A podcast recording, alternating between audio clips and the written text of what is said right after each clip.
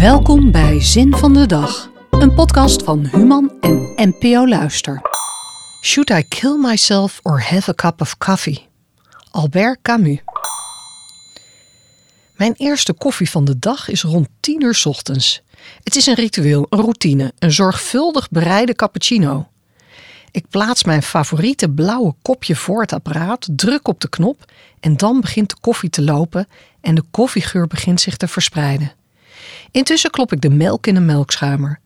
Als mijn koffie klaar is en ik mijn eerste slok koffie van de dag neem, heb ik een geluksmomentje, waarbij ik even helemaal samenval met mijn koffie en mijn koffie met mij. Ik heb een boek in de kast staan. Coffee and Philosophy heet het. En staat vol met stukken over de zin van en de zin in koffie in een mensenleven. Ook de Franse filosoof en Nobelprijswinnaar van de literatuur in 1957, Albert Camus, staat erin. Aan hem wordt de uitspraak Should I kill myself or have a cup of coffee toegeschreven. Hij filosofeert over de dag, die elke dag weer begint en waarbij je steeds weer een keuze hebt: opstaan of lamlendig blijven.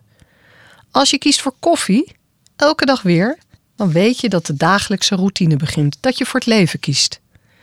Camus behoort tot de existentialisten, een stroming in de filosofie die het leven in zekere zin als iets absurds en zinloos beschouwt, in afwezigheid van een God. We zullen het dus zelf moeten zien te rooien, in al die vrijheid ons leven zin zien te geven. Ik zal trouwens nog een tweede kopje koffie nemen, soms meteen erna, soms wat later op de dag.